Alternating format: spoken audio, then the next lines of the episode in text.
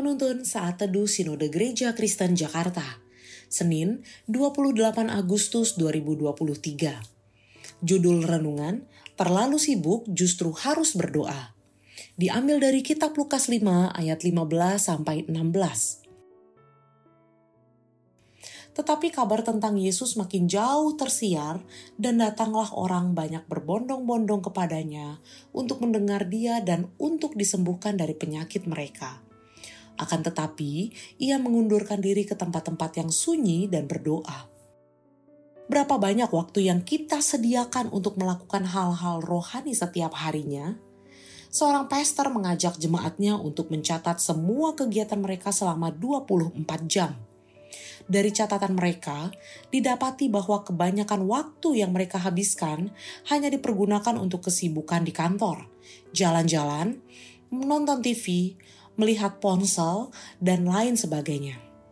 Lalu, bagaimana dengan kehidupan rohani? Membaca Alkitab, berdoa, dan pelayanan. Hanya sebagian yang mencatat hal itu. Itu pun kebanyakan hanya dilakukan pada hari Minggu. Tuhan Yesus Kristus dapat dikatakan sebagai orang tersibuk pada masa ia hidup dalam dunia ini.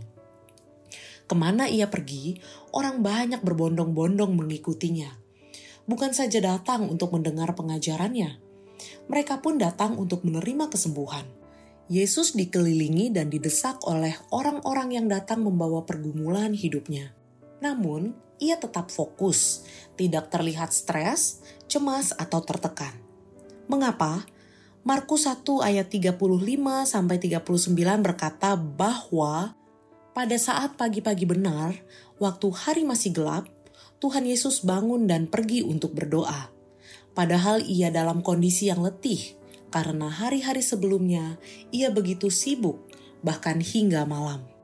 Meski demikian, ia bangun pagi-pagi dan berdoa. Kesibukan tidak menghalanginya untuk tetap berdoa dan berkomunikasi dengan Bapa di surga. Kesibukan sering kali menjadi alasan kebanyakan orang percaya untuk mengabaikan kehidupan rohani mereka.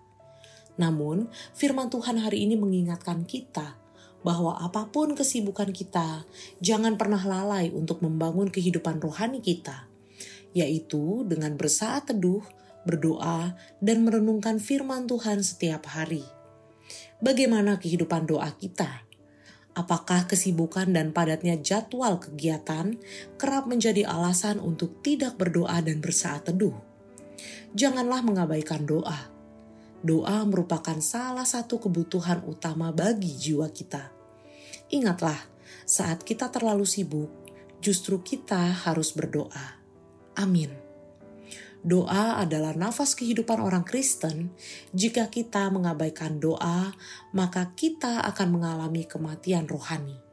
Terlalu sibuk, justru kita harus berdoa. Terpujilah nama Tuhan.